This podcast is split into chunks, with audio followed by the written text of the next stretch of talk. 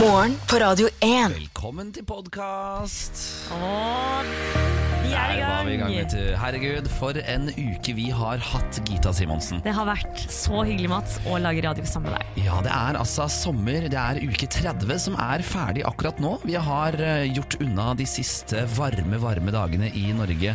Snart er det august, noe jeg gleder meg veldig til. Jeg håper at eh, varmen legger seg litt. At vi kan se sånn 25-24 grader. Det passer meg utmerket. Jobbe oss litt nedover på gradestokken er helt fint. Det skal visstnok regne i den helgen som eh, nå da er, eh, 28.-29. juli. Ja. Eh, håper du kanskje hører på denne podkasten i regnet. Det hadde vært deilig, hadde ikke det? Hadde ikke det, da. Du kunne altså, se for deg, vi er på øra dine, eh, du eh, sitter i sofaen, du vasker gulvet, du bare slapper av med en kopp kaffe eller en te. Det er god stemning. Hva har vi snakket om den siste uken? Vi har eh, snakket om Trump. Trump er alltid med. Vi har snakket om eh, eh, Ja, du har flytta litt. Jeg har flytta litt, slitet med å få venner altså, til, å, til å hjelpe meg med å bære. Jeg har skada meg. Jeg har eh, snakket vi har snakket mye om tørken, som har vært måte, overhengende i den hele siste uken. Ja, Vi har eh, kommet fram til at dette er ikke lenger en liksom Denne sommervarmen er ikke bare positiv, nei, for verden blør. Ikke sant? Det vi har samlet sammen til deg, kjære lytter, podkastlytter, er altså det beste fra den siste uken med sommer her på Radio 1. Gita, Simonsen og Mats Wale, vi er altså sommervikarer for Ken, Samantha og Niklas, som vi bare må anta at eh, jobber med å eh, få Hva er det for noe? Få eh, utenlandsk presse opp til Prekestolen. For neste fredag altså er det premiere på Mission Impossible. Gjengen de er tilbake igjen i morgen på Radio 1 fra 6 den eh, 6. august. Det er det bare å glede seg til. Mats, hva skal du i helgen som kommer? Helgen som kommer skal jeg gå på konsert og kose meg. Hva skal du? Jeg skal um, Først skal jeg til Tønsberg og feire bursdag til en venninne. Så skal jeg tilbake til staden og um, feire en til bursdag. Og så blir kjæresten min 30 år på søndag. Ah, da blir det bursdag. Mine damer og herrer, her får du det beste fra den siste uken på radio. Morgen på Radio 1. God morgen, vi skal inn i fotballverden For eh, tyske Mesut Ozil Han gir seg på det tyske landslaget pga. diskriminering og rasisme. Nei! Jo, han er eh, opprinnelig fra eh, Tyrkia eh, og sier 'jeg er tysk når vi vinner, men innvandrer når vi taper'.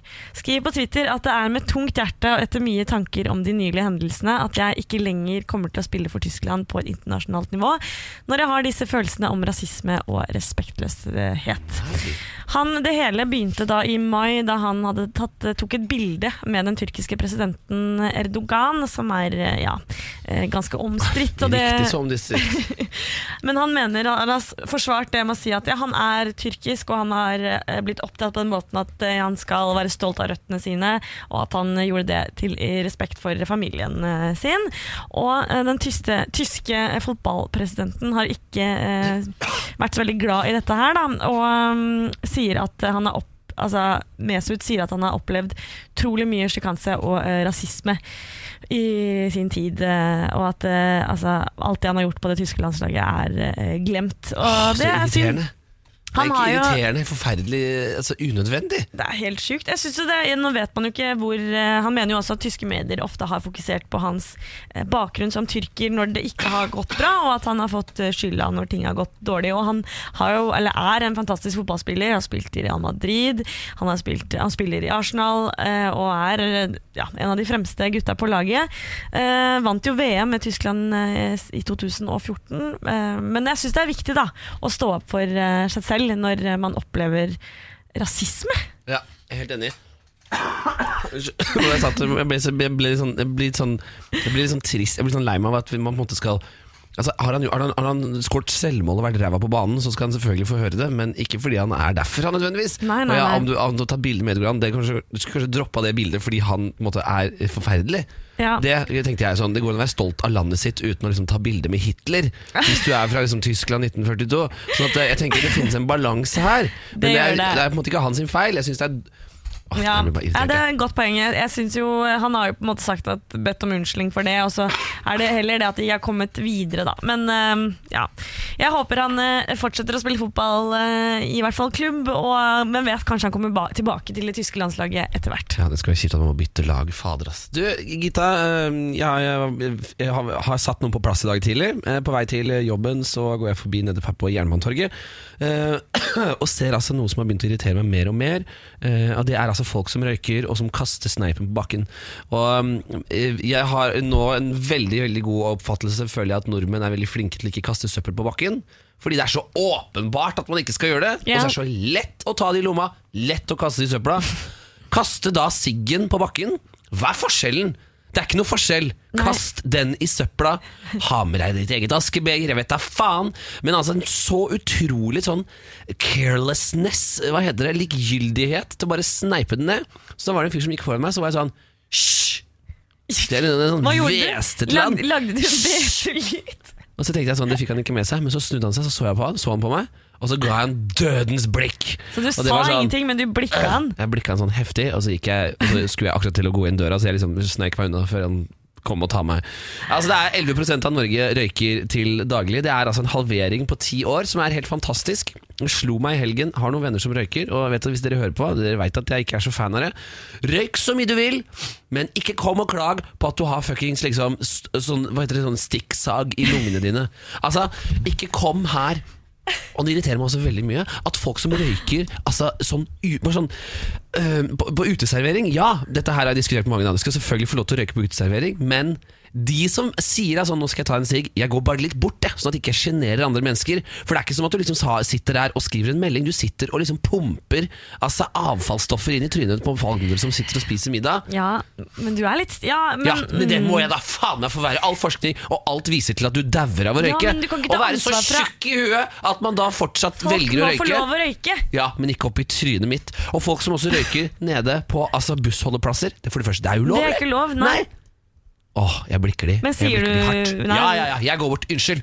Og det er ikke noe bedre enn å se skammen i øynene til noen som sitter der med den jævla blodprinsen sin og er sånn Og så sier jeg unnskyld, du gidder du å ta den et annet sted? Har du måte selv sånn- noen gang? Nei, selvfølgelig har jeg ikke det! Fordi jeg har hatt en mormor som døde av kols. Og det okay. å se et menneske du er glad i puste med 30% luftkapasitet, det er på en måte den beste røykereklamen du kan tenke deg. Ja. Så tenk på mormoren min hver gang du tar deg neste sigg. Det må Nå- være lov å klage på at folk Da, vet du røyker. hva, Mats, nå, nå ser jeg deg fra et helt annet eh, perspektiv her. Selvfølgelig, Du var jo hardt ute. Hva er men, du eh, for røykende, du? eller? Nei, nei, nei, Er det en røyk du sitter med i hånda, gitt? er Nei, men eh, Du gikk hardt ut, og så tenkte jeg oi, det var jo veldig hardt. Men selvfølgelig, når du har sett det, når, din, når du har familie som har mistet livet av, av å røyke for mye, så skjønner jeg jo at du syns det er ekstra fælt å se det og lukte det, og når folk kaster det rundt. Så eh, jeg skal Det var så åpenbart at du dauer av det. Ja. Jo, ja, nei, nei, vi får Men se, man da. dauer så- av alkohol òg, liksom. Det ja, er jo faen, gjør man det? Jeg trodde det var Ja. sunt. Helvete. Ja, ja. Slutt å røyke. Morgen på Radio 1. Eh, Jeg tenker at vi, jeg er jo en sucker for eh, reality-TV. Det Er er, det? Jeg det er kjempegøy å se på. Gleder meg til ny sesong av Paradise, Jakten på kjærligheten. Nei, og du er en som ser på Jakten på kjærligheten. Jakten på kjærligheten da, er det verdens hyggeligste program. Nei, jeg klarer ikke. Og eh, det er jo kommet fram nå at eh, det er Tom Damli som skal være eh, programleder for den eh, Altså Det har jo egentlig vært ganske omstridt program. Eh, vi får se om det blir like omstridt her i Norge. Love Island Ja, det som eh, har smelt på britiske TV-skjermer og kommer nå da til høsten. Og det filmes torsdag og på TV fredag. Ja. Så det er altså fra Granka eh, sendes det da folk som skal finne kjærligheten eh, i en mansion. Ja. Hva er forskjellen fra Paradise Hotel? Spøk ikke meg. Nei, eh, det blir veldig spennende. Og eh, Spesielt da siden Paradise-profil er klar for ny omstridt eh, realityserie, da Love Island. Det er Andrea Sveinsdottir som var med eh, for i fjor, tror jeg, på Paradise Hotel. Det stemmer. Eh, Hør på dette her. Drømmene mine er David Beckham, minus tatoveringer, med talentet til Klæbo og personligheten til Obama. Men jeg er ikke kristen. Ja. Jeg er klar for å finne kjærligheten og forelske meg. Å, så fint da hun skal forelske seg. Yes! Um, Hun eh, sier at hun eh, sendte inn søknad så fort jeg fikk vite om programmet. Jeg er håpløs på dating og treng, trenger et lite push og noen rammer. Så da tenkte jeg det kunne funke med å bare bli presset litt ut i det. Kanskje Vel- heldig og finner noen jeg har lyst til å date litt. Ja, Så er spørsmålet mitt Er det, er det kjærligheten hun er på jakt etter, eller er det Insta-followers hun er på jakt etter? Det er, det er kanskje en god kombinasjon der, Ja. men det er jo altså, flere som finner kjærligheten på dette paradishotellet, da, så det kan jo være at Love Island også funker for Andrea. Jeg håper hun får både eh, kjærlighet og eh, Instagram-følgere. Hun kategorerer seg selv som blogger, så Ja, hun har en blogg hvor det da er tidligere Paradise Hotel-deltakere og hun som drikker vin, og det er en fotoserie med samme bilde tre ganger her. Besøk og bursdagsfeiring, god morgen, er dere klar for en ny uke, skriver hun. Dette her ble da tydeligvis postet i dag, faktisk. Ja, oi, Mange av dere har vel opp, ferie, og da merker jeg det er kanskje ikke så stor forskjell. Vel, jeg er ferdig med ferie og sommeren. Ja, men så fint, da. Jeg merker at jeg heier, på, jeg heier på kjærligheten, og jeg håper Andrea får seg type eller dame på Parent Parad- Love Island. ah, Det var sykt sånn politisk korrekt av Ja. deg å si. Ja, ikke Det sant? gjør du òg, Mats. Ja, ikke sant. Du Å nei, slutt! Ah, så handler alt om meg. Morgen på Radio 1. God morgen, Mats. Du har vært på ei lita utflukt i helga, du? Ja, jeg har eh, tatt meg ferie i helgen. Vært i Stockholm, skjærgården. Skjærgårdsdoktoren var ikke der, dessverre. Men eh, vært rundt på eh, museer. Har du vært i Stockholm før? Nei, det har jeg ikke. Det er altså så fint, og spesielt om sommeren. Godt og varmt, noe godt i glasset, eh, altså god mat. Ja. Det er jo ikke dette jeg egentlig sikter til. Hæ, vil du ikke ha en sånn fin sommerlig beskrivelse av Stockholm? Nei, eh, fordi da du kom inn her eh, i dag morges, så nevnte du at du hadde gjort altså, noe jeg syns er meget spennende. Ja, ja, ja Gita, jeg har Mats har seriøst vært på rave i skogen. Det er jo ikke så sensasjonelt. Jo, Det det er- er jo det! Ja, det er kanskje Jeg vet ikke. Ja, det er da Jeg skal ikke si for mye om det, men det er da hemmelig sånne, eh, sånne altså Folk som har lyst til å ha rave. Altså Jeg er jo ikke noen rave-person, misforstå meg rett, men jeg har venner som er rave-personer. Og det er ikke sånn at jeg sier 'i kveld, mine gode damer og herrer, så drar vi på rave'. men når noen spør, så sier jeg 'ok, men jeg kan godt bli med på rave'. Um, det, er, det er altså et hemmelig opplegg rundt omkring i, i verden. Eh, Stockholm denne gangen, som da, eh, hvor folk samles midt ute i skauen. Og så er det fullt anlegg, og det er, folk er i partyhumør. Kjempegøy. eh, veldig, veldig bra. Eh, jeg, har, jeg har et lite klipp eh, som dere skal få lov til å høre. Eh, hør på dette. Det er altså Dette er altså sykehus. Altså, jeg har så mange spørsmål. Det er Er det 1993, eller er det 2018? Det er litt sånn eh, Ja, det, var, ja. Eh, det som er eh, gøy, er jo at selvfølgelig det er en samling av folk som elsker den type musikken. Og så Det er litt så spennende fordi det er hemmelig, og det er liksom ikke lov. da, ikke sant? Ja, Og så er det i skogen. Og det, hvor mange mennesker var det der? Det var rundt 700 mennesker ute i skauen, eh, så dette er jo et stort eh, miljø i Stockholm, visstnok. Som jeg da Jeg vet jo ikke at dette eksisterer. Det er jo sånn Skulle vi dratt på det, så blir jeg sånn Ja vel, er det dyrt? Er gratis? Ok. Herregud, så det er bare noen som har gått inn i skogen, tatt med seg eh, liksom anlegg Fullt og anlegg og vimpler og laget eh, god stemning.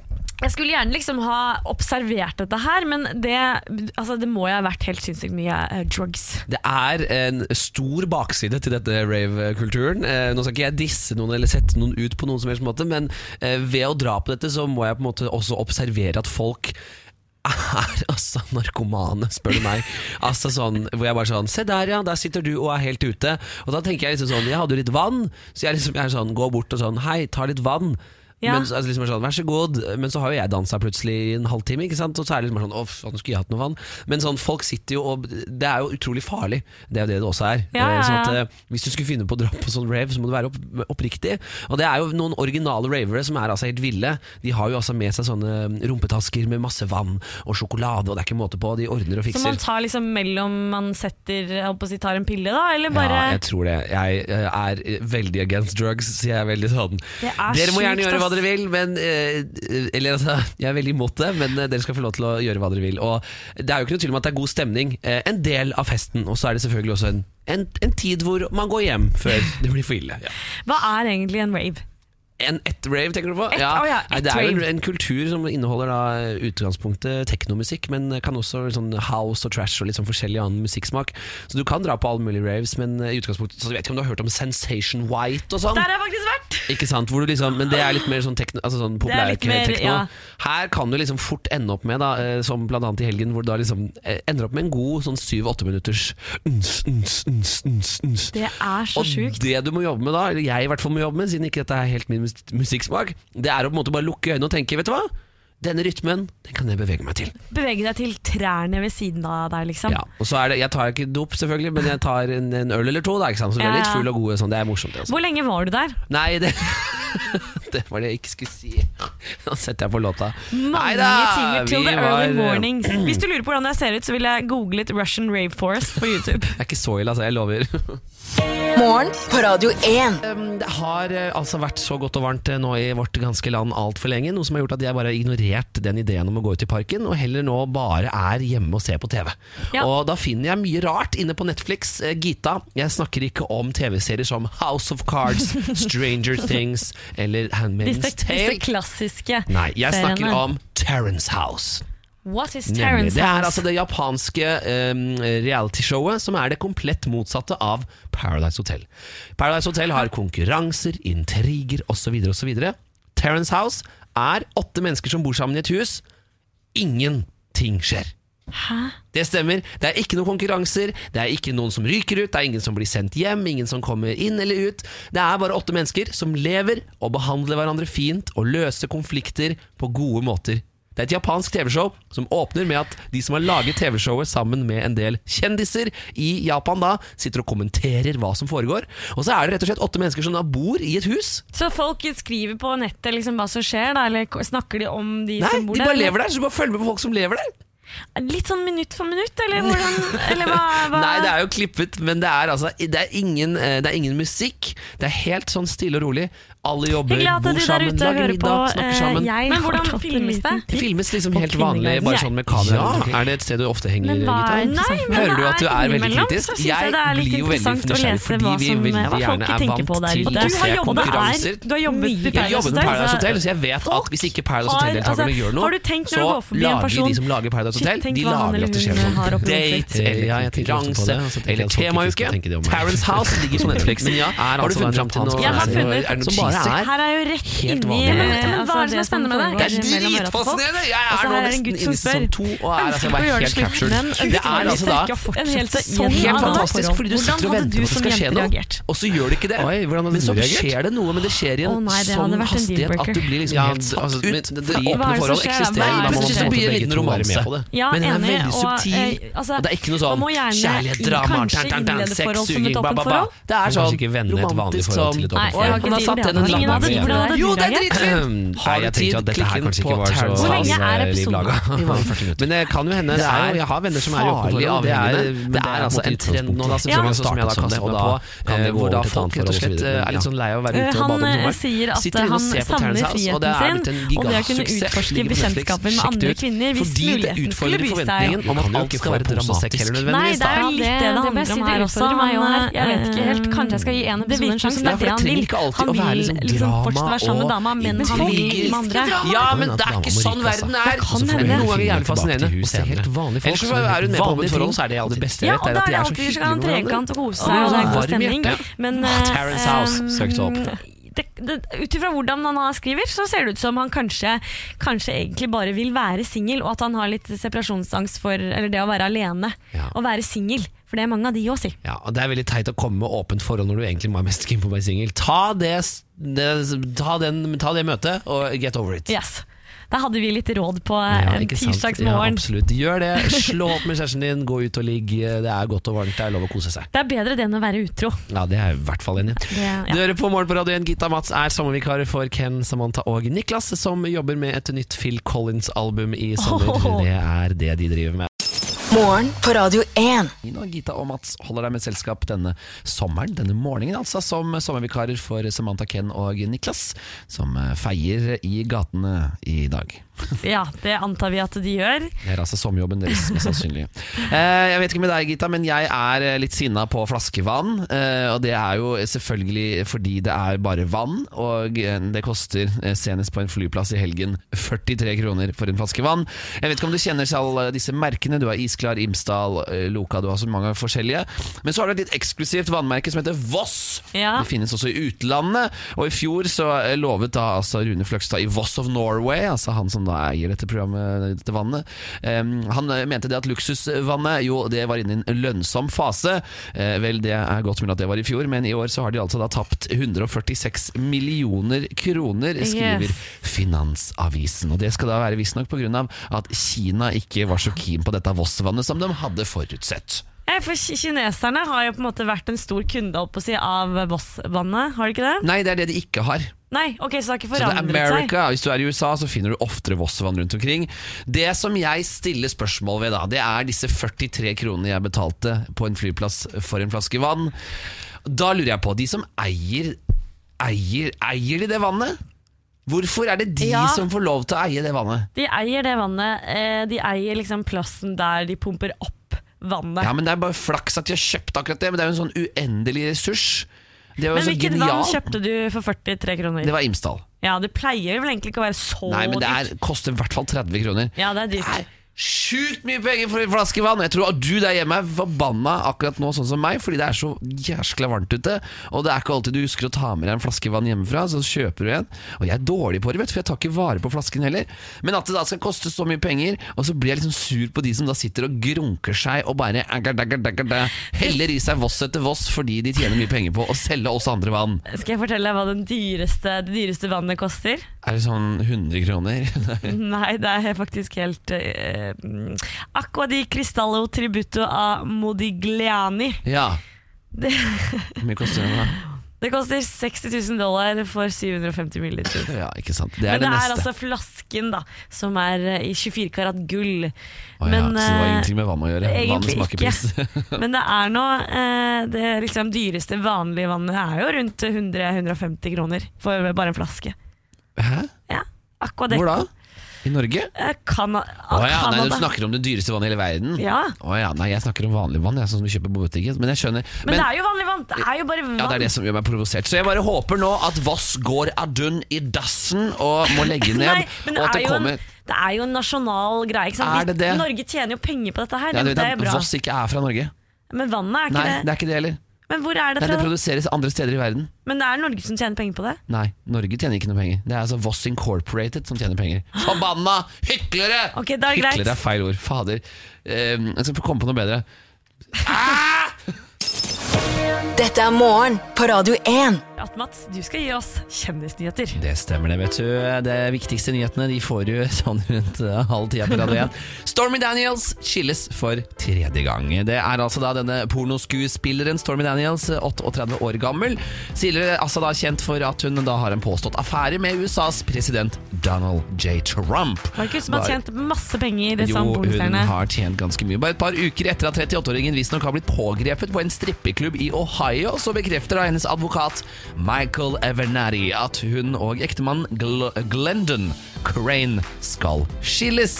Min klient Stormy Daniels og ektemann Glenn har bestemt seg for å gå eh, hvert til sitt. Ifølge Business Insider så har duoen vært gift siden 2010, og de har en sju år gammel datter. Pornostjerna skal ha to eh, havarerte ekteskap fra før av. Lurer på om dattera veit hva mora jobba med. Ja, hun kom med noen pikante avslutninger. Ja, jeg tror dattera veit. Uff, nei, ja. nei, vi kan ikke snakke om det. Pete Davidson, navnet sier deg kanskje ikke så altfor mye, men det er altså den uh, nyforlova fyren som eh, skal gifte seg med Ariana Grande. Han har nå slettet alt eh, innholdet sitt fra Instagram. Ariana Grande selv har også da visstnok slått av kommentarfeltet på sin konto. Det er altså da en virvelvin av en romanse da mellom Ariana Grande og komiker Pete Davidson. Og nå er det da spekulasjoner, da. Hva er dette her for noe? Hvorfor har han slettet eh, alt informasjonen på eh, kontoen sin? Mandag så overrasket han altså da med å tømme alt innhold der. Kan det da være mulig at det skal komme noe nytt? Eller er det rett og slett fordi han har blitt kritisert for Kan være en eh, mye hets. Det høres jo litt sånn ut, da. Ja, Han har fått en del eh, kommentarer på en eh, vits han har tatt på scenen som standup-komiker, som har omhandlet Ariana Grande sitt show i Manchester, der hvor eh, da en del folk ble drept. Ja, ikke sant? Så det er sikkert derfor han mest sannsynligvis er litt under a weather, mest sannsynlig. Så helt til slutt, mine damer og herrer, JC og Beyoncé de har vært på On The Run-turneen sin de siste ukene rundt omkring i verden. Og nå har det kommet frem da at de faktisk prøvde å leie Colosseum. Det stemmer. Det var altså da managementet I- i til i Roma. Yes. JC og Beyoncé skal da visstnok ha prøvd å eh, leie Colosseum til sine datoer som de da skulle spille i eh, selveste Roma. Eh, At de skulle spille der, liksom? På de skulle spille inne i Colosseum.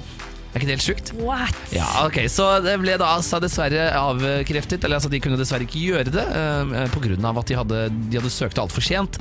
Og så er det også Det skjer veldig mye i Coliseum, eh, så de burde kanskje ha vært litt tidligere ute. Men det hadde altså vært en, en helt sjuk ting å være sånn Men er det, er det Ja, for det er ikke det at de bare At dette er en nasjonalskatt, liksom, det kan bli ødelagt. De har, kunne faktisk fått leiren. Ja, for Coliseum har jo opptil flere liksom, teaterforestillinger osv. Så, videre, så tilrettelagt riktig, så ville man da kunne Det er jo ikke så veldig stort heller, så hadde det kanskje ikke blitt så stort.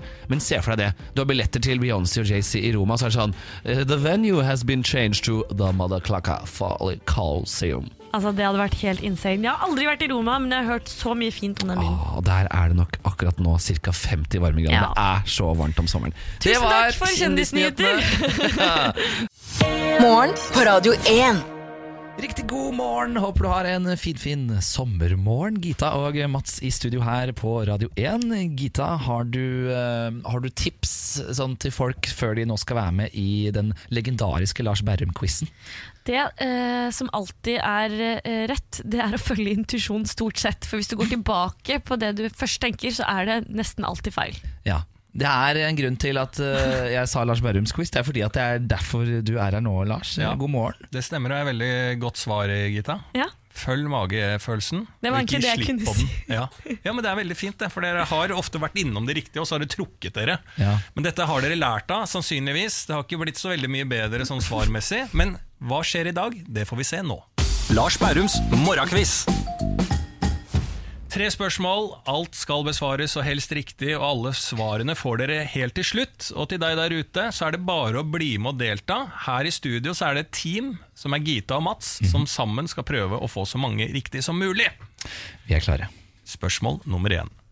Hvilket forlag eier bokhandelskjeden Ark? Gita, altså litteraturens Cappelen verden. eller eh, oss, hva heter det? Aschehoug. Vi har Cappelen, vi har eh, eh, Frontforlag. Nå bare fant jeg på, men eh, Venninna mi mista jomfrudommen til en som het Cappelen til etternavn. Oi. Tenk hvis det er det, var Ja, er det riktig svar? Og senere ble den tatt i den største hasjsmuglingssaken i Ja. Norges historie. Eh, eh, Tror ikke det er noe eh, kobling der. Nei. Ark må bli eid av, eh, av eh, ja, The big av one. The Big, the big, uh, the big D, Deichmanske. Nei, Nei. det er kanskje ikke et forlag. Nei, Nei. det er et bibliotek. Mm. Ja, men det er Cappelen. Aschehoug da. Aschehoug er jo liksom det største. Er det det? Jeg mener at jeg har sett det i arkbutikker. Ok, men da kjører vi på med det. Asle, aldri vært på Hagefesten, men jeg tipper at den er ganske moro. Mm. Jeg har hørt, jeg tror det er kjedelig. Ja, jeg Ja, tror, ja, ja, det er det man sier når man aldri blir invitert. Ja. Jeg har hørt at det er ganske dårlig, egentlig. Ja, ja, ja. Kjæresten min har vært der mange ganger og sa det var veldig gøy. Det tror jeg er derfor jeg er bare misunnelig og sier Ja, det er det er kjedelig. Vi går for Aschehoug, da. Ja, jeg vil gjerne bli invitert! Inviter oss.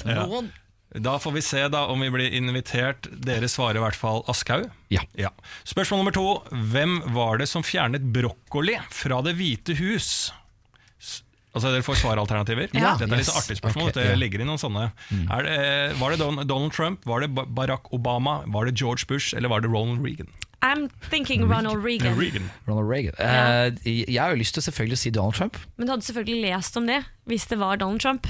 Ja. Fjernet brokkoli fra Hvitehus. Eh, men hvorfor skulle Ronald Reagan ha gjort det? Fordi han gjorde så mye rart. Gjorde, var det han der In med den der Watergate? Nei, det var, det var ikke det Reagan? Jo. Ja, ja, at, eh, ja, vi kan godt gå for Ronald Reagan, men det er jo Ja. morsomt hvis det er Også Trump. Michelle Obama Hun var jo superforkjemper for å spise sunt. og sånn Jeg tror uh, Ikke Ikke Obama, nei. Barack hadde fått rimelig uh, rumperis. Ja, Rett og slett, Hvis ikke det var noe brokkoli der. Nei, enig. Da går vi for Ronald Reagan, for han var en crazy fyr. Ja, men Da går vi på spørsmål tre. vi. Eh, hvem var Per Gynts store kjærlighet som hele tiden ventet på han?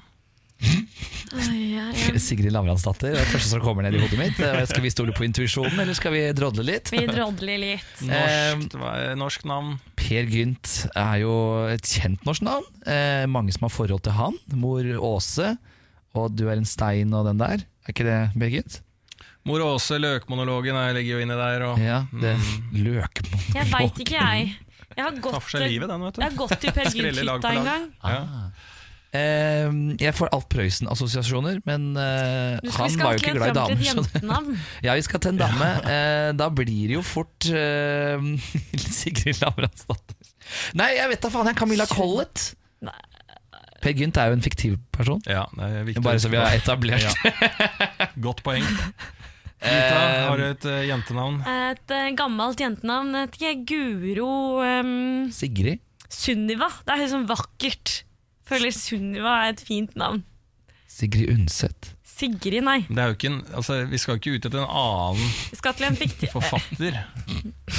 Nei, jeg har ikke peiling, jeg. Vi kan godt gå for Sunniva, altså. Sunniva, endelig svar avgitt. Sunniva. Ok, da får vi se hvordan nivået var her i dag. Å, Da. fader, ass. Spørsmål nummer én var da hvilket forlag eier bokhandelskjeden Ark? Her nevnte dere mange kjente forlag, men Ja. dere glemte ett. Og det er Gyllendal. Gyldendal.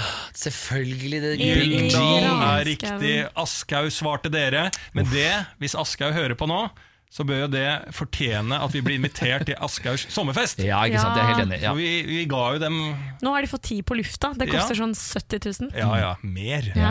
Ja, ikke mer. Det koster tre invitasjoner. ja, det er sant. Og da ble det dessverre feil, men vi håper på en invitasjon til hagefesten. Spørsmål nummer to var da hvem var det som fjernet brokkolien fra Det hvite hus? Var det Donald Trump, Barack Obama, George Bush eller Ronald Reagan, som jeg sa? Som heter Reagan. Ja, ikke sant? Dere svarte Ronald Reagan. Hvis det er Trump Ikke si at det er Bush. Dere glemte Bush, jo. George Bush var det. Ja. Ja, Men hvorfor?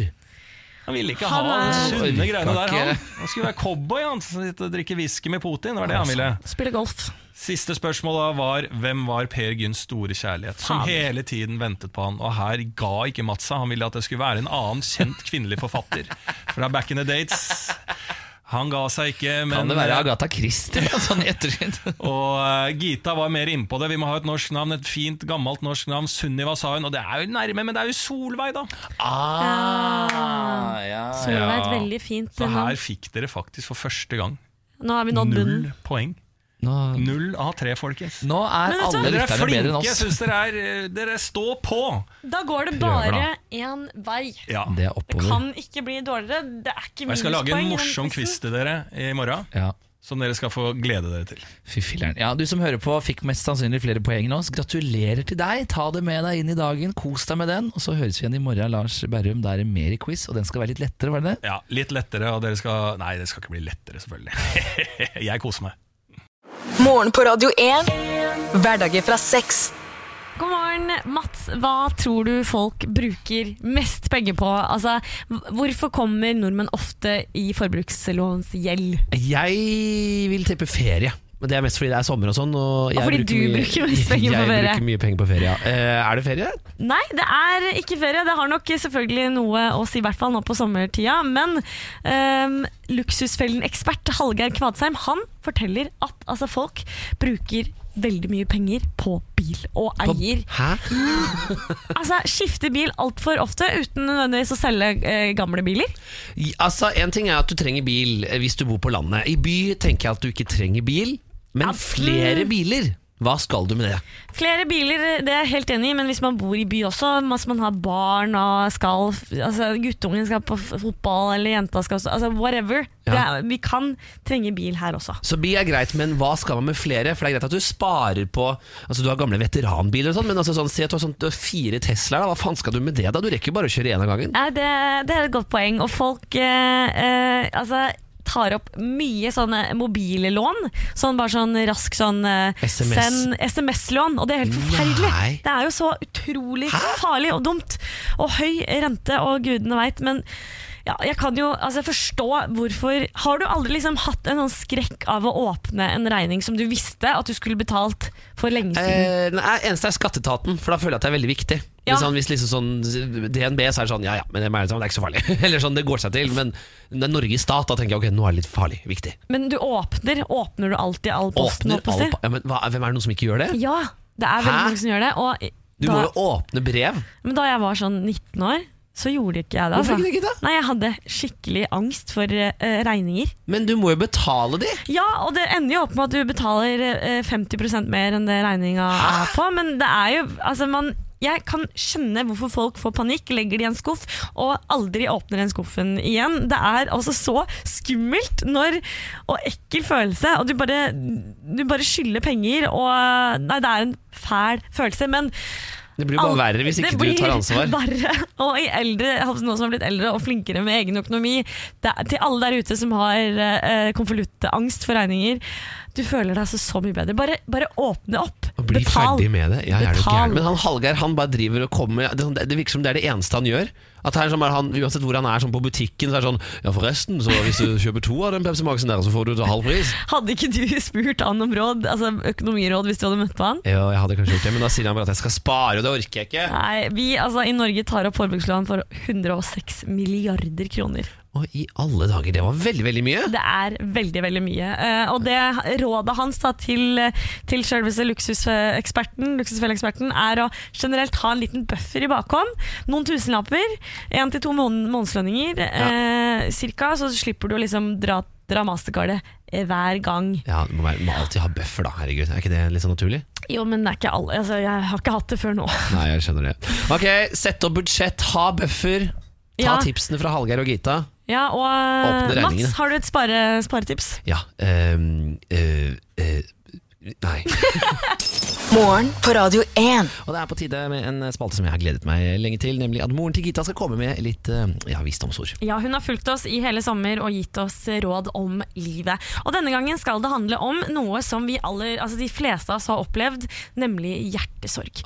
Så jeg har spurt mamma eh, om liksom noen, altså prosessen. da. Hvordan skal man, hva skal man gjøre hvis man rett og slett sitter igjen med hjertesorg?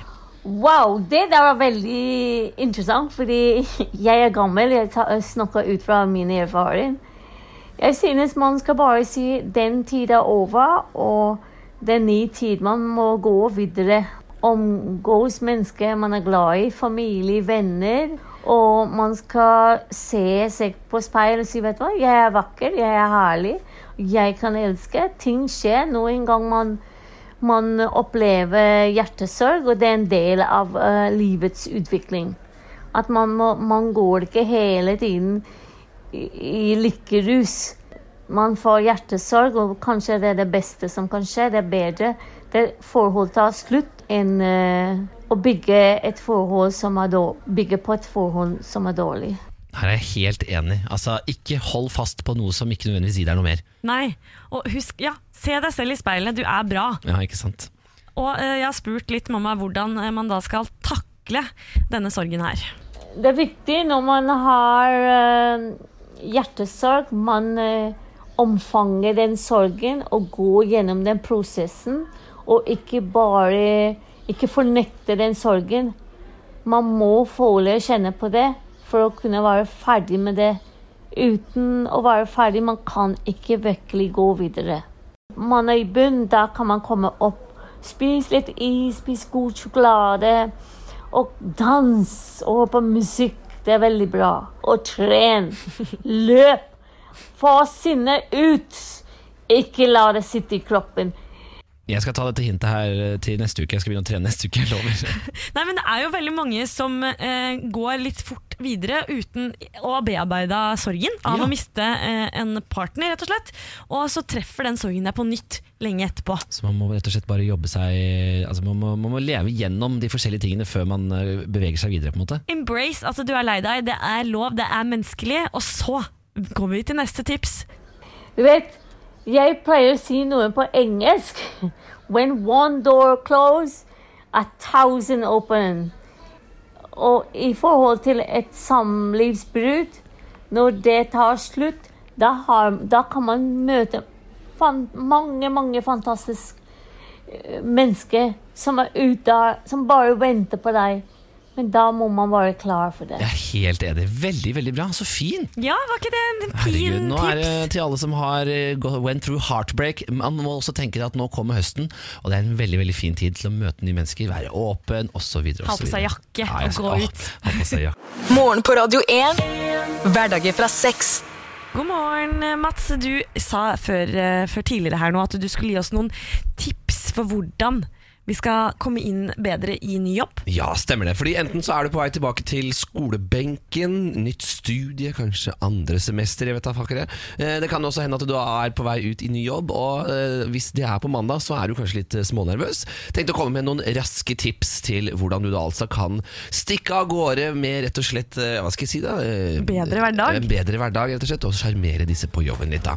Ok, Først er det altså viktig å forberede seg litt. Skal du inn i et stort firma, les deg gjerne litt opp på historien historien til filmen, da, for eksempel. Og hvis du er nysgjerrig, ja, da er det viktig å stille spørsmål. Men pass på at ikke du blir idiot heller. Still bare et par-tre små spørsmål her og der, sånn at du virker interessert. At du tilegner deg kunnskap om det stedet du skal. Ha. Så må du slappe av. Ikke stress og slite av de første dagene. Muligheten til å vise seg fram, den kommer. Det tar alltid litt tid. Med mindre du er i vikariat, da. Med mindre du er i vikariat, er det bare å kjøre rett på. Ja, altså, så er det viktig, noe som jeg alltid har fått høre av mamma og pappa, det er å komme tidlig. Kom gjerne tidligere på jobb enn de andre, for da får du se sånn Oi, fader Ulland, der er han der nye. Hun. Å, fy fader, den personen må vi ta riktig godt vare på. Ok, så må du ikke slappe av for mye. så et tips er altså å slappe av litt, men ikke slappe av for mye. Du skal ikke være for avslappet, du må ikke være for kul. Det og viktig i en ny arbeidsplass Det er å vise at du på en måte er sosialt avslappet, Ja. men at du er gønna på. Du er interessert i jobben. Dette er noe for meg. Jeg har lyst til å lykkes her hos dere. Og da kommer det også neste tips. Ikke vær sjenert. Gå heller og presenter deg selv for en kollega. Ikke sitt og forvent at de skal komme og hilse på deg. Men så må du ikke prøve for hardt heller. Nei, ikke sant. Er du for ivrig til å imponere, så kan det hende at du støter fra deg ansatte som prøver å connecte til deg. F.eks. gjennom lunsj, som er mitt neste tips. Spis lunsj. Lunsjen er den eneste sosiale begivenheten på arbeidsplassen i løpet av arbeidsdagen. Med mindre du jobber i reklamebyrå, selvfølgelig. Og da er det viktig å snakke med kolleger, som er et nytt tips jeg har. Altså Gi et godt førsteinntrykk og være hyggelig og imøtekommende helt fra starten. Og så kommer vi faktisk frem altså til det viktigste, eller to nesten viktigste. Det ene er vær deg sjæl. Ikke prøv å utgi deg for å være sånn. Er du ung i et gammelt firma, vær ung i et gammelt firma. Er du gammel i et ungt firma, vær gammel i et ungt firma. Altså Vær deg sjæl, ikke prøv å liksom tilpasse deg bare for å være ehm, Altså sånn som de Pass andre. inn. Men pass alltid litt inn. Så det er alltid en mellomting, merker jeg disse tipsene her ender opp med. Ja. Ikke vær ekstremen av noen ting. Og det siste og beste tipset mitt slå av den forbanna mobiltelefonen. Om du er lærling på, altså, som rørlegger, eller om du sitter på et kontor hos Get, I don't give a shit. Legg bort telefonen din. Den har ingenting ute å gjøre når du er ny på en arbeidsplass. Åh, det var sterke og gode tips fra deg, Mats. Ja. Jeg merker at Hvis jeg hadde hatt sosial angst, så hadde dette vært vanskelig. Da kan du velge deg et par av tipsene, og så gå med det. Så får du bare leve med at du ikke blir liksom, best likt, men sånn er livet. Nei, det er sånn noen må, kan ikke bli godt likt heller. Men Nei. eh, det er viktig å prøve at Det er også et godt tips. Fake it till you fucking make it, sier jeg. Ja. Det vil si, gå inn. Er du sosialt angstete? Ja, men det er jo det alle andre steder enn på arbeidsplassen. Er du ny i en jobb, så har du jo faktisk muligheten til å være akkurat hvem du vil være. men- Vil du ha dialekt? Ja, men så ha det, da! Du sa jo akkurat være sjøl! Ja, ok, faen Ja, stemmer det. ja. Men Ja, det veldig, veldig gode tilbake. tips. Hvilket av disse ville du fulgt? eh, altså, er, hva- er det Jeg hadde dårligst på fulgt den selv? derre 'ikke ha på telefonen på jobb'. Ja. Så enkelt er det. For står du med den, da får du sparken i morgen. Han, sånn er det jeg som Ikke, er sånn. ikke her, da. Nei, det er sant. Og ikke ha med deg lue inne. Hilsen mormor. Morgen på Radio 1. Hverdager fra seks. God morgen. Jeg leser på forsiden av VG i dag at denne varmen den gjør ikke bare altså, Den får ikke bare skogene til å brenne og strømprisene til å bli høye. Det får også veldig mye veps. Altså, Sterk varme og mye oppholdsvær i sommer Det eh, sammenfaller med vepseår, og dermed kan bestanden få en eksplosiv vekst, sier altså VG. Og det, det er ikke gode nyheter. Er du redd for veps, Gita? Jeg er livredd for eh, veps. Faktisk, jeg blir redd for livet mitt fordi jeg er Hæ? dødsallergisk. Det har Å ja, jeg. er du allergisk? Jeg er kjempeallergisk. Oh, ja. Dette fant jeg ut tidligere i år. Og det at uh, det nå blir enda mer av dem utover høsten, altså august-september, det skremmer meg. Nå har jeg fått en sånn derre penn, da. Adrenalinsprøyte. ja Adrenalinsprøyte. Ok, Så hvis du blir stukket, så er du potensielt uh, ta kvelden, rett og slett? da Potensielt kan jeg ta kvelden da, hvis den eh, stikker meg i hals eller eh, i brystet. da. Åh, nei, Det er ekkelt. Hvert fall når du sitter og måte koser deg, og så kommer de, og så er det sånn Ok, jeg kan tåle at den er litt nærme, og så bare drar den ikke. Og hvis du prøver å slå etter den, så kommer den tilbake, og da spiser den deg. Men jeg har liksom begynt med å eh, Når det har vært veps i nærheten, så bare fryser jeg. Ja, du blir sittende stille, helt stille? Helt sånn- ja, det kan jo hende at det er en eh, metode som fungerer. Eh, Nei, ja, eller hvis, hvis, det er, eh, hvis det bare er en vanlig veps som eh, bare koser seg, så er det kanskje en god idé. Mm. Men hvis jeg står ved et bol uten at jeg vet det, da kommer de jo og angriper deg, ikke sant? Stemmer. Så eh, eh, jeg eh, er nødt til å, å være litt flinkere på å slå dem. Men eh, faktisk så drepte jeg en veps her om dagen. Nei, det er ja. ikke bra. Det er dårlig karma, vet du. De, de har prøvd å drepe meg òg, så jeg føler det er rett og slett eh, Jeg beskytter livet mitt. Og eh, veps er jo, fordi den dreper flere folk eh, hvert år, farligere enn eh, bjørn og hoggorm og sånn. Ja, faen, det er jo sant, for det er jo overalt. Bjørn og hoggorm er jo ikke altså, Hoggorm er det mye av, men det er, ikke så mye, det ikke så mye bjørn som rusler rundt og tar livet av folk, for å si det sånn. Nei, vet du hva, det er faktisk 300 000 vepsearter Arter i verden. 300 000? Ja, 300 000. Og i Norge så kjenner man til ca. 4300, men det er anslått å være dobbelt så mange. Dette syns jeg er er- bare, ja, nå ble alle de som er litt, eh, til alle dere som er litt grann, eh, ja, sånn som Gita, da, som har eh, muligheten til å dø hvis vepsen kommer i nærheten, vær forsiktig. Hold dere inne, ikke gå ut. Nei da. Bare ta med en sånn smekke. Og penn, den pennen. Ja, den er Viktig. viktig. Dette er morgen på Radio 1. Gita, jeg tenkte vi skulle ta en liten, eh, liten tur til julenissen. Ja, det er jo juli, så hvorfor ikke? Ja, det stemmer det. For eh, Hvis du trodde at julenissene tok ferie, eller ja, sommerferie, så tok du grådig feil. Mandag så startet den årlige julenisseankomsten World Santa Claus Congress i Danmark. Hæ? Her har altså nisser fra hele verden samlet seg for det årlige julebordet i København. Nå? Nissene de deltar altså i julefeiring, fake news. parader og viser seg frem foran titusener av tilskuere. Det er en slags pride for nisser, altså. Og Julenissene de har lagt igjen Rudolf og sledene hjemme og benytter seg heller av anledningen til litt sightseeing i København, da f.eks. med buss eller båt. Og Ideen den er altså om den årlige sommerkomsten kommer av at man ikke ønsker å feire jul kun én gang i året. Og presseansvarlig for World Santa Claus Congress, Signe Halk, forteller til VG da at engasjementet ja det er riktig så stort. I år er det altså da 130 nisser som har samlet seg i København for å delta. Og nissene de kommer fra hele verden omkring. Ja, fra Japan, fra Spania, England og ikke minst fra Norge. Hvem er disse menneskene? Det er, jeg vet ikke, det er rare folk. Det er, jeg synes det er spennende. Det er jo Jeg syns det er litt rart, ja. Eh, og den julestria er en stri, eller sånn, det er masete. Ja, det er sant. Dessverre så kom ikke den nigerianske julenissen i år, men heldigvis så kom den ungarske, sier Halk. Så det er mennesker fra hele verden som digger julenissen, drar og så digger julenissen, så gøy, da!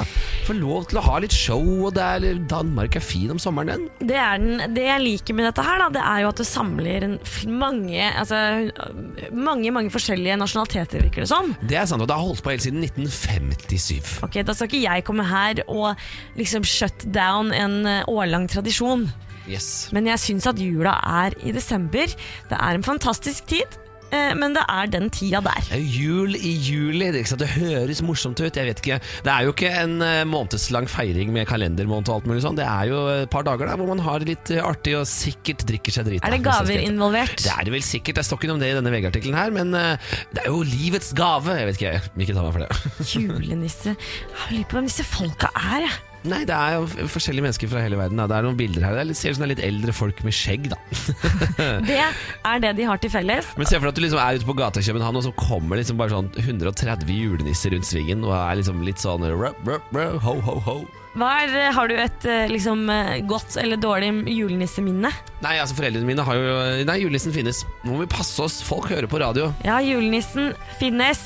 Jeg har uh, sett den sjæl. Morgen på Radio 1.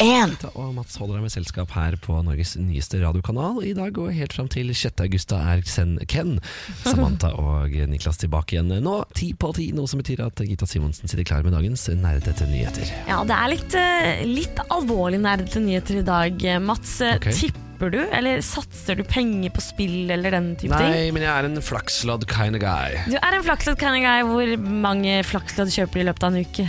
Å nei, men det er med måneden, kanskje en i måneden? Ja, det er, det er innafor. Det er Ja, det føler jeg. Det har vært, eh, blitt gjort nå et uh, forskningsprosjekt her i Norge for Norsk Tipping, faktisk.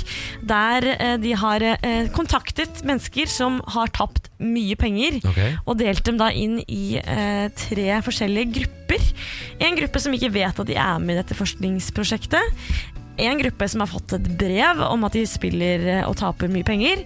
Og den siste gruppen de eh, ble oppringt. Og det hele kommer av at en eh, som tapte veldig mye penger, han eh, hadde sagt da til psykologen at han skulle ønske at noen ringte meg, at noen tok kontakt og tilbød meg hjelp. I stedet kom det stadig sintere brev fra kreditorene. Ja, ok, at Det er et, en, altså et forskningsprosjekt rett og slett for å se om folk klarer å stoppe bare hvis de får beskjed om det. Ja, rett. Altså, de trenger rett og slett, Det er liksom i barnehagen. da At Du bare du skjønner ikke helt din egen liksom, handlingskraft. Det er sånn Du er ikke våken i livet ditt nok til å skjønne at det du driver med, ikke nødvendigvis er så jævla levedyktig. Akkurat det jeg har sagt sinna, på en men sinna ja. måte. Det er 3000 mennesker som har vært med i dette prosjektet, og tapene deres ligger fra 50 000 kroner og oppover. Noen av disse menneskene har i gåseøyne eh, råd til å tape 100 000 i året. Ok. Eh, Men det er ikke så veldig mange av dem, og de aller fleste spiller for mye mer enn det de har råd til, og ødelegger familiens økonomi med sine spillvaner. Og det er meget triste greier. Og det de har funnet ut av, Ja. er nummer én at eh, de som spiller for for mye penger, de undervurderer tapet kraftig. Ok, De gjetter at de har tapt mellom 30 og 60% av det som faktisk er registrert tap. Oi da. Da er man ikke så veldig våken når det kommer til selvøkonomien. Nei, og det kan man jo kanskje kjenne seg igjen i i en ung eh, hverdag der man reiser og handler og mastercard og disse tingene. Ja, det er sant, men samtidig så er man jo alltid ansvarlig for det sjæl. Sånn, sånn, det er greit at du er litt på, på mastercardet, men hvis du liksom er sånn Nei, vet ikke at jeg har 50 000 i mastercard, da er du jo ganske tjukk i huet, da. Faen heller. Uff. Eh, å få vite, når de får vite hvor mye de har tapt altså, i løpet av et år, så blir de overraska. Nei, gud, guri, var det så mye! Ja, men da må jeg kanskje slutte å kjøpe det der Vikinglottoen hver jævla dag, da. Og så blir de spurt Eller, du tapte 75 000 kroner i fjor. Vil du sette av samme løp til å spille for i år? Og da blir svaret nesten alltid nei da. Nei, sier du det, altså? Når du bare Å, er det så mye? Ja, nei, jeg tenker at folk kanskje må ta huet ut av ræva innimellom og tenke seg litt om hva man driver med. For det er ikke noe vits å sose rundt helt sånn blind i livet. Hvorfor skal man gjøre det? Kan man ikke være litt våken og tenke Du, hva er det egentlig jeg driver med her? Hvorfor bruker jeg opp alle penga som skulle brukt på mat til unga mine, på Ja. flakslodd? Alle har jo en drøm om å liksom hitte jackpot, og det som disse forskerne har forventet, var mye sinne når de tok kontakt, men de aller fleste blir veldig, veldig, veldig, veldig glad, eh, og eh, de hadde tenkt at dette ble en kortvarig effekt, men de som eh, fikk en faktisk telefon, de eh, reduserte tapet med eh, 5000 kroner over 12 uker. Det er jo ganske bra. Ah. Eh, De som fikk brev, reduserte med 2006. Og de som ikke visste de ble testa, de spilte med det samme som før.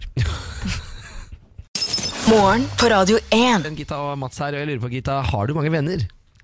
Eh, ja, jeg vil si at jeg er, en, av- jeg er veldig heldig som har eh, fine, mange gode folk rundt Ja, meg. ikke sant? Og Det er jo viktig for å lykkes og nødvendigvis ha gode folk rundt seg, tror jeg. da Uh, Og jeg har personlig 100 venner! Nei, Ja, men det er jo en du, teori Mats, du har ganske mange venner. Du reiser hit og dit.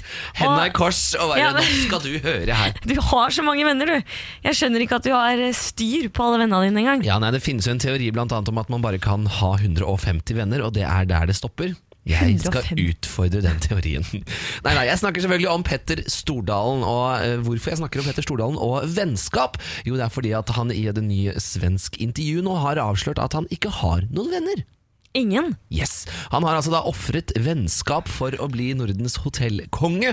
55-åringen innrømmer da at eh, fremgangens bakside eh, den har, en, eh, ja, den har en uvennskapelig pris, rett og slett. Oi. Som da grunnlegger av et av Nordens aller største hotellkonsern, så er det ja, enkelt å liksom ikke ha tid nødvendigvis til å ha så mange venner.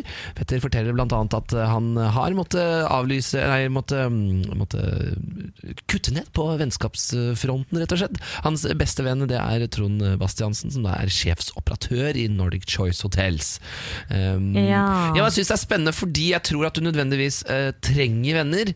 Som, altså sånn, fordi du har kolleger som du møter på kollegajobben. og så har du din kjære, eller da i hans, um, hans tilfelle hennes, hans uh, Gunnhild Stordalen, som giftet seg i 2006.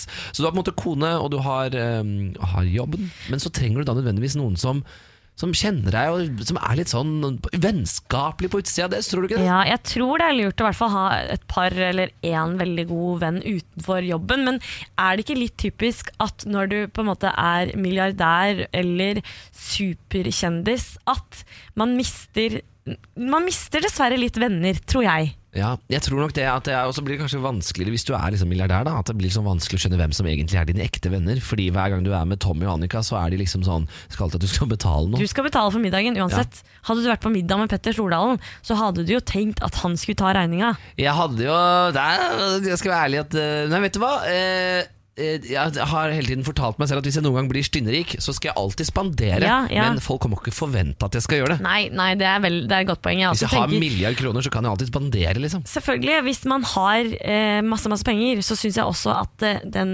de, Hvis du spiser middag eller ordner med folk som ikke er like eh, heldige på pengefronten som deg sjøl, så er det hyggelig å spandere.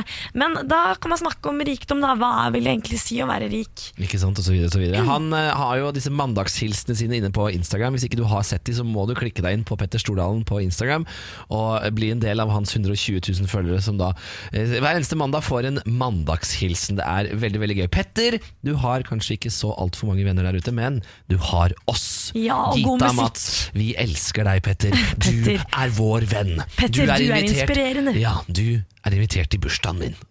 Det er ikke før om et år, da, så Han trenger sikkert invitasjonen tidlig. jeg sier han gjør det.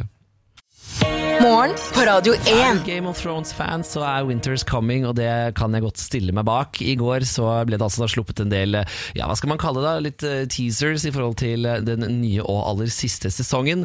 Sesong nummer åtte får altså da visstnok premiere i løpet av første kvartal 2019. Kvartal, det er Tre første månedene. Ok! Og en nøyaktig dato det røpes snart, eh, sier de altså da i en teaser som kom i går. Eh, I sesong syv skulle jo egentlig ha premiere i april 2017, men ble altså utsatt til en slags sommerblockbuster med start i juli. Så får vi se da med eh, disse Altså jeg er så Game of Thrones-fan, jeg elsker det. Hvis ikke du har sett det, så må du bare jobbe deg gjennom. Ja. Og jeg leste det at hvis du altså begynner 18. august cirka, eller slutten av august, med å se to episoder eh, i uka, så er du, eh, har du sett alt innen eh, du er da sesong åtte begynner. Det som jeg synes er litt interessant med Game of Thrones, og eh, i hvert fall fansen, de som er hardcore fans Ja. Jeg elsker det, eh, men jeg vet ikke om jeg syns eh, fansen er så veldig hyggelig. Fordi han, han forfatteren Steve Martin? han har jo fått gjennomgå litt fordi han aldri blir ferdig med å skrive bøker. Altså Folk blir litt sure, det er kronikker, det er innlegg. Altså, har vi rett til å kreve underholdning? Stakkars gamle mann sitter og skriver som bare det. Nå er altså da Sesong åtte er da visstnok utenfor bøkene osv. Jeg er ikke helt sikker, men nå skal jeg passe meg, for jeg vet at de som leser bøkene, de elsker bøkene. Ja. Det blir i hvert fall spennende. Den nye sesongen den er da eh, serieskapere eh, David Benoff og DB Weiss som da skal regissere. Og Det som er litt gøy, det er jo at det er veldig mye Det de gjorde i fjor, da det var når de spilte inn sesong syv, så spilte de inn en del scener som aldri ble brukt. Fordi de skulle lokke eh, paparazzoer og folk som ønsket å vite hva som skjedde i Grand of med falske ting. Så de spilte en hel del scener med noen, eh, altså med noen um, skuespillere som egentlig aldri møtes osv., så videre, sånn at vi skulle begynne å tro forskjellige ting. Men det ble aldri brukt. Vi får se om de gjør det nå. Det de er jobber spennende. hardt på altså for å ikke få noen spoilere ut. For å ikke lekke, så har altså alle skuespillerne i sesong åtte fått digitale manus som ikke kan kopieres. Og når scenen er filmet, ja, da slettes manusene automatisk. Veldig sånn derre eh, Sånn gjorde under krigen, sånn confidential. Ja, det jo Kaster det i eh, peisen, og uh, det brenner opp fordi ingen skal skal få se. det. Det er litt sånn Inspector Gadget når han får sånne beskjeder. Sånn, 'Denne beskjeden vil inntil intet gjøres om. Tre, to, én Ikke sant. Ja, jeg synes det er det, det som du sa, da, den eh, nye serien er utenfor bøkene, fordi rett og slett forfatteren han kunne ikke skrive i den hastigheten. Nei, nei. men jeg syns det er litt kult at han er litt sånn gammel. Han bare Vet du hva, screw you guys, jeg skriver i mitt tempo, jeg skriver når jeg vil. Ikke Og da sant. da kan vi jo glede oss til Dette er jo siste sesong, men så får vi flere bøker da, Ja, etter sant? Det er bare å glede seg. Sesong åtte får altså da premiere og har eh, seks episoder. Uventet lengde, altså. I starten av 2019. Dette er morgen på Radio 1.